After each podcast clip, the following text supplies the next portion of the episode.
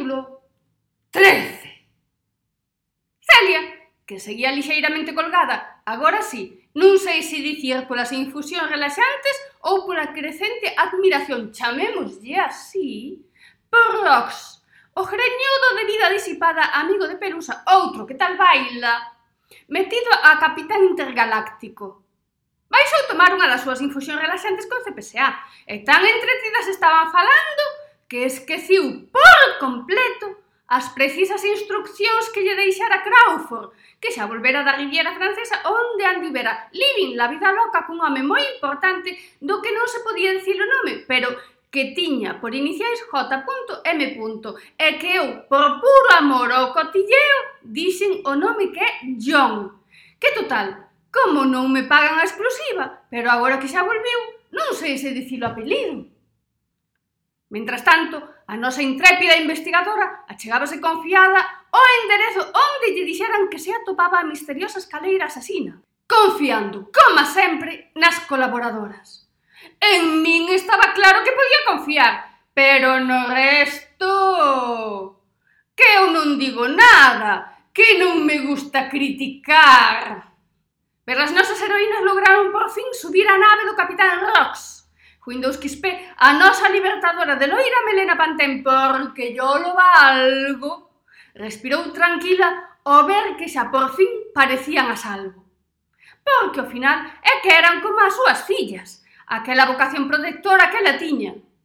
A lideresa do sector A, a nosa radical favorita, miraba atrás sen rencor, iso sí, e xa desexando chegar a achuchar o Yeti. A estilosa señorita New Look tamén se contaxiou da morriña, e suspirou. Papi, a nosa executiva de alto nivel favorita, que lle encantaba isto de voar, e que case lle pide un formulario a estilosa señorita New Look para ser vampira, porque lle chamaba moito aquilo, e miraba pola fiestra da nave e vía as nubes, e imaginábase ali flotando, flotando. Menos mal que tiña o seu carón as nosas heroínas, que se chega a ter a Celia Mariposa, a nosa happy flower favorita, xa case agradecía unha flying cap e nese momento lembrouse de dinámico. Catwoman non pretendía nin de lonxe recochinearse a conta do investigador, que era tan bo que todos dicían que era la polla, pero eu son demasiado fina para repetir semellante cousa. Non lle dixera nada, porque sabía que aquel resquicio machista que albergaba no fondo da súa personalidade se ia sentir ofendido. Era aquela, prefería vixiar na distancia. O investigador trataba de comprender a actitude de Catwoman, que no fondo ben sabía el que se lle tivera dito algo, igual se ofuscaba. Catwoman seguiu informando da ruta seguida polas nosas heroínas e dos múltiples despistes do despistado doutor Zixel 650 Botaron horas e horas falando. De súpeto, soa o teléfono. É unha chamada de emerxencia, dixo o investigador. Presentíao. Catwoman erguiuse e achegouse ao investigador. O investigador case lle cae o auricular, non polo que lle estaban contando, máis ben pola proximidade de Catwoman. Sí, era unha chamada de emerxencia, dinámico o dono de Bollicaos Line metido a investigador por atopar a mariposa. Estas cousas do compañeirismo xa me entendedes. Que quedará investigando alo por albedro, aficionados. Eu non digo nada, pero... Quedará pechado accidentalmente nun contenedor que viña sendo un remolque dun trailer de Zara. Xa me diredes, Que tiña que ver a desaparición das nosas heroínas con trailer de Zara? Nada, está visto que nada. Pois el, ali se metiu. Menos mal que por dono de Bollicaos Line tiña un trato privilexiado por parte da compañía telefónica. Xa sabedes, facíanlle a pelota con voz melosa cando chamaba para pedir o saldo, porque moi dona moi tal. Pero ben que controlaba o gasto, e porque non me gusta criticar que senón e tiña cobertura dentro daquilo que parecía un refuxo antinuclear. A que carallo? Perdón, que cáspitas? Tería que ir meter ali o nariz, pensou o investigador. El pensou no co de que carallo que conste. Dinámico estaba angustiado. Notaba que lle faltaba o aire. Invisible díxeme que lera o informe con calma, pero que lle prestase especial atención A parte que me sinalara.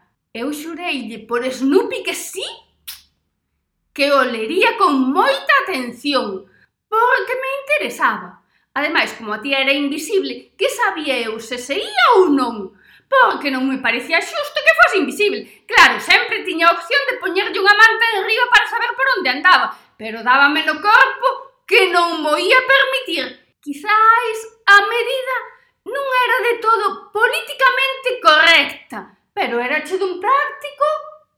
Seguía presentindo que tras la brétema da fiestra ao outro lado da rúa había alguén espreitándose. Así, aínda que invisible non marchara do despacho e arriscándome a un leñazo que igual tiña merecido, collín e marchei. Tiña que ir ao edificio de enfronte porque aqueles presentimentos non eran normales. Sería que de noite me abduciran os extraterrestres e agora tiña superpoderes. Que clase de superpoderes serían? Non sei exactamente que cara debía ter, porque o recepcionista, que habitualmente está impasible, como que se escojonaba cando me miraba. Dei a volta para miralo, para poñelo no seu sitio que se cría el. Cando dei mirado para o fronte, case choco con Miss Contret, investigadora da nobleza especializada en roubos de guante branco porque eran os que máis cartos lle daban, a parte de que se podía pegar unha vida de cine de hotel en hotel e alo pola Riviera Francesa e tal, e que acabou asociándose con a DSLPPP, o noso contacto en Beijing. E con Mr. Jojovic, o executivo agresivo super fashion victim total. O bo foi tranquilo. Rox pilotaba a nave que pericia que lle daba experiencia. E tendo en conta que levaba de piloto intergaláctico unha semana, Xa podedes calcular como ia a cousa. Porque por aló arriba non hai casas, nin baches, nin lagoas, e por sorte tampouco moito tráfico. Porque aquel foi un milagre! E non é que me guste criticar. Windows Quispe dormía plácidamente. Por fin conseguira deixar as preocupacións a un lado e relaxarse. A saber en quen estaba pensando. A lideresa do sector A falaba animadamente con mariposa a saber de quen estaban falando. Poppy estaba prácticamente interrogando a estilosa señorita New Look sobre a vida de vampira, porque cada vez se sentía máis atraída. O investigador colleu a Catwoman da man sin que lle dese un paro cardíaco nin nada e saiu a toda presa do despacho. No recibidor estaba o recepcionista falando con Mr. Jojovic e con Miss Comtret, que estaban pedindo audiencia. ¡Oh, o recepcionista non dou freado ao investigador que se movía pola preocupación por dinámico e a emoción de ter da man a Catwoman. ¡Oh, o recepcionista amañou aquel desplante como puido. Díxolles que se querían que o podían esperar ali ou se preferían podían o seguir. O coche do investigador era aquel clásico que estaba aparcado na entrada. A Miss Contret e a Mr. Jojovic pareciulles moi emocionante metelo o nariz onde non os chamaban, porque ao fin e ao cabo, para iso foran ali. Obviamente, decidiron seguir ao investigador e a Catwoman. O coche de Mr. Jobbik era un ultimísimo modelo unido a que cando se poñía o volante deixabas invadir polo espírito dun tal Schumacher e en nada estivo á altura do investigador, chegando incluso a ter que diminuir para non pasarlle, porque o investigador Por moito que lle faltase o aire dinámico, que ben merecido que o tiña por irse de supereficiente, aficionados. Non podía desperdiciar a oportunidade de estar a soas con Catwoman. De fondo, Unbreak my heart, say you love me again. Que raro. As nosas heroínas chegaron por fin a Albedro. A aterraxe, bueno, Chamar, ben se lle podía chamar o oh, desplome, porque Rox... Anao, a nosa executiva agresiva favorita, espertou de golpe. Quedara profundamente dormida ao subir a nave do Capitán Rox, e pese a animada leria do resto das heroínas, dormiu placidamente, tanto que espertou algo desorientada. Claro que ben puido ser pola delicada aterraxe, e non é que me guste criticar. Foi dos Quispé foi a primeira en reaccionar. Xa estaba localizando as saídas de emerxencia tiña os chalecos contados e listos para distribuir. Estaba en comunicación co 112 e xa lle sacara a chave de seguridade ao extinto. A lideresa do sector A, que estaba de parola con Mariposa, mirouna dicíndolle que se relaxara que tampouco fora para tanto. E que se lle notaba unha felicidade na cara. Ai, o amor! Mariposa, en por iso, tiña un mal presentimento. Poppy xa parara de interrogar a estilosa señorita Newlux sobre a vida vampira. Estaba agora meditando os pros e os contras.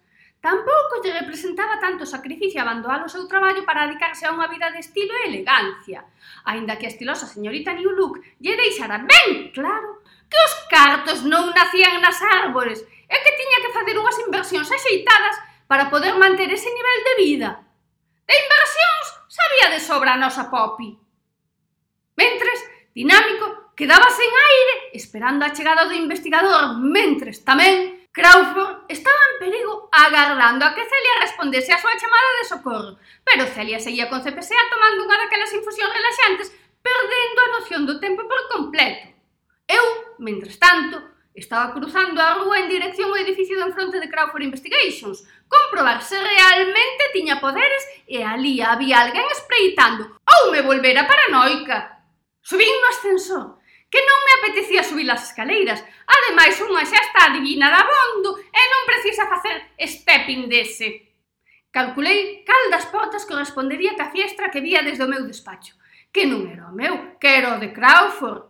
Estaba poñendo a orella na porta. Non por accidente, nin porque tropezara nin nada, senón porque quería escoitar se había alguén dentro. Pero arrimarme máis no afán de escoitar mellor, Notei que a porta saía para dentro. Extrañoume, pero pensei que era vertixe, que me facía ter alucinacións, ou que, cos meus poderes sobrenaturais, aqueles que penso que teño porque me abduciron os extraterrestres, ou porque comín algo radioactivo cando era pequena, cousa que non me extrañaría nada, dada a accidentada infancia que pasei e redactei puntualmente no seu momento. Por se non era isto, erguín a vista. Estaba ali, de pé, aguantando a porta. O detective supersegredo do CSI partíndose de risa, claro. Díxeme que pasar. Pasei. El seguía cos seus pelos de punta tipo cómic manga. E ou encollía ou xa me afixera a el. Díxeme que sentara e comezou a ensinarme información sobre o malvado doutor TCPIP e sobre os seus malvados experimentos. Ainda que eu pensaba que era dese tipo de doutores que leen poesía e taman infusións. Das infusións de toda a vida, non das relaxantes de Celia. Non sabía como, pero desaparecera un informe que contiña información crucial para a localización do laboratorio super segredo e super malvado. O primeiro, sospeitara de min. Non sei por que co inocente que eu son. Despois, seguiu contando. Cando me atopou chamando á porta do malvado doutor, xa se decatou de que non tiña nin idea de por onde andaba. Si, tal como escoitades, tiña narices o tío.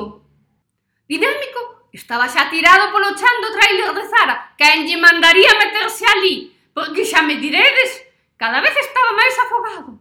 Pero el confiaba en que o investigador chegase a tempo, porque sabía da súa eficiencia. Mentres tanto, Crawford Seguía atrapada na misteriosa escaleira asesina sen poder sair, confiando en que Celia reaccionase. Era increíble tanta confianza, pero non me extraña, cada tempo que pasou polo mundo adiante. E non é que me guste criticar. Xa non se lembraría de como era a súa secretaria. Tamén, nese mesmiño momento, saían da nave de Rox a nao, nunca estivera por estes lares, E aínda que lle parecía un pouco cutrelandia, lembrou que As Vegas era un montón de area onde se cocían os turistas a brasa. Mirou para o mar e sentiu unha certa felicidade. A lideresa do sectorá estaba desexando coller o teléfono e chamar o Yeti. Sabía que estaría enfadado, pero a mellor de todo eran as reconciliacións. Mariposa seguía con aquel mal presentimento que a deixara distraída pola pista adiante de Alvedro. Poppy Trataba de agarrala polo brazo para levala á terminal, pero non daba feito. Naquel momento desexaba xa ser unha vampira e ter esa forza infinita que tiñan as vampiras. A estilosa señorita New Look acudiu botarlle unha man, pero ao ver que non había nada que facer pola forza, tratou de empregar argumentos máis sutís como que dinámico estaría buscando desesperadamente. Pero nin con esas pensaron que xa se perdera a chispa, porque ás veces a distancia é o olvido. Aínda que aquel non era o caso de Windows XP, que xa se recuperara do susto da aterraxe, senón forzoso cando menos extraño, que xa estaba o gato de Albedro medio morto de aplastamento. Polas súas partes estaban pelexando por unha praza de aparcamento o investigador que levaba o seu carón a Catwoman e por outro Mr. Jojovic e Miss Comfret, que non se saldou con víctimas de milagre, e porque o supercoche último modelo de Mr. Jojovic era moi caro que senón... O investigador estaba buscando desesperadamente, xa sería menos, que levaba o seu carón a Catwoman e non lle pesaba tanto en tardar en sair do coche. Aparcamento. O igual que Mr. Jojovic e Miss Comtret. Mariposa seguía vagando polas pistas de Albedro desesperadamente, mentras Poppy, a estilosa señorita New Look, a Nao e Winduskispe trataban de convencela de que ali non facía nada, que entrase en razón. A lideresa do sector díxolle a Rox que avisase as outras de que marchaba. Ela marchaba por dous motivos basicamente. O primeiro, porque xa coñecía os presentimentos de mariposa, e como se lle metese algo na cabeza, daba igual o que lle dixesen. E segundo, porque xa estaba desexando discutir co Yeti. Cando estaba na parada de taxis viu o que lle pareciu unha carreira de coches polo aparcadoiro.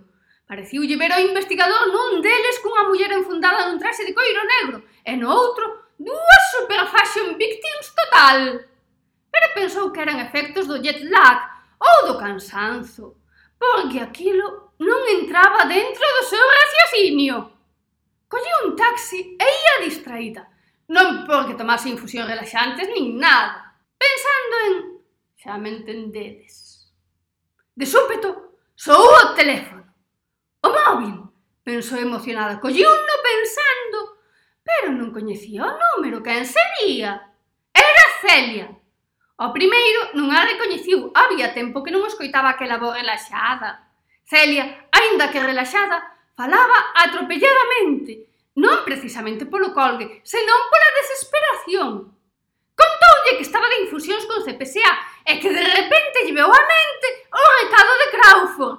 Daquela dixo a CPSA colgada, poucas veces ocorría iso, e foi rauda e veloz ao despacho de Crawford Investigations e chamou ao investigador, pero non o localizou, e xa, presa dos nervios, cousa rarísima nela, puxose a chamar a todo Dios que tiña na axenda antes que a nosa radical favorita lle respondera, conseguira falar con ADSL PPP, o noso contacto en Beijing, que lle dixo que falase con Miss Comtret, que xa estaba aquí. Cousa que lle foi imposible. A lideresa do sector A escoitou atentamente as explicacións de Celia. Aquelo da escaleira asasina soaba ya unha colgadura da secretaria, pero tendo en conto que acababa de vivir desde que organizou aquela cea para animar a Window, Pois decidiu ir para Juan Flores, non fora ser que tivese razón. Despois de todo, aquilo do monstro das sete caras aínda era máis ridículo e ela mesma, consciente e en plenitude das súas facultades, vira e fora real. Cando colgou, díxolle o taxista que fose a Juan Flores 80. Era o enderezo que lle dera Celia. A min que me daba mal rollo aquel edificio O taxista roñou non sei que. Ah, Ames, de todo fan un sacrificio, pensou ela, porque o fin ia cobrar fose onde fose. Cando chegou ao enderezo, lembrou o caso da mina aquela que lle contara Windows, e aquel era o edificio que se construíra despois, cando a mina desapareceu. Era un edificio de superlujo de la muerte,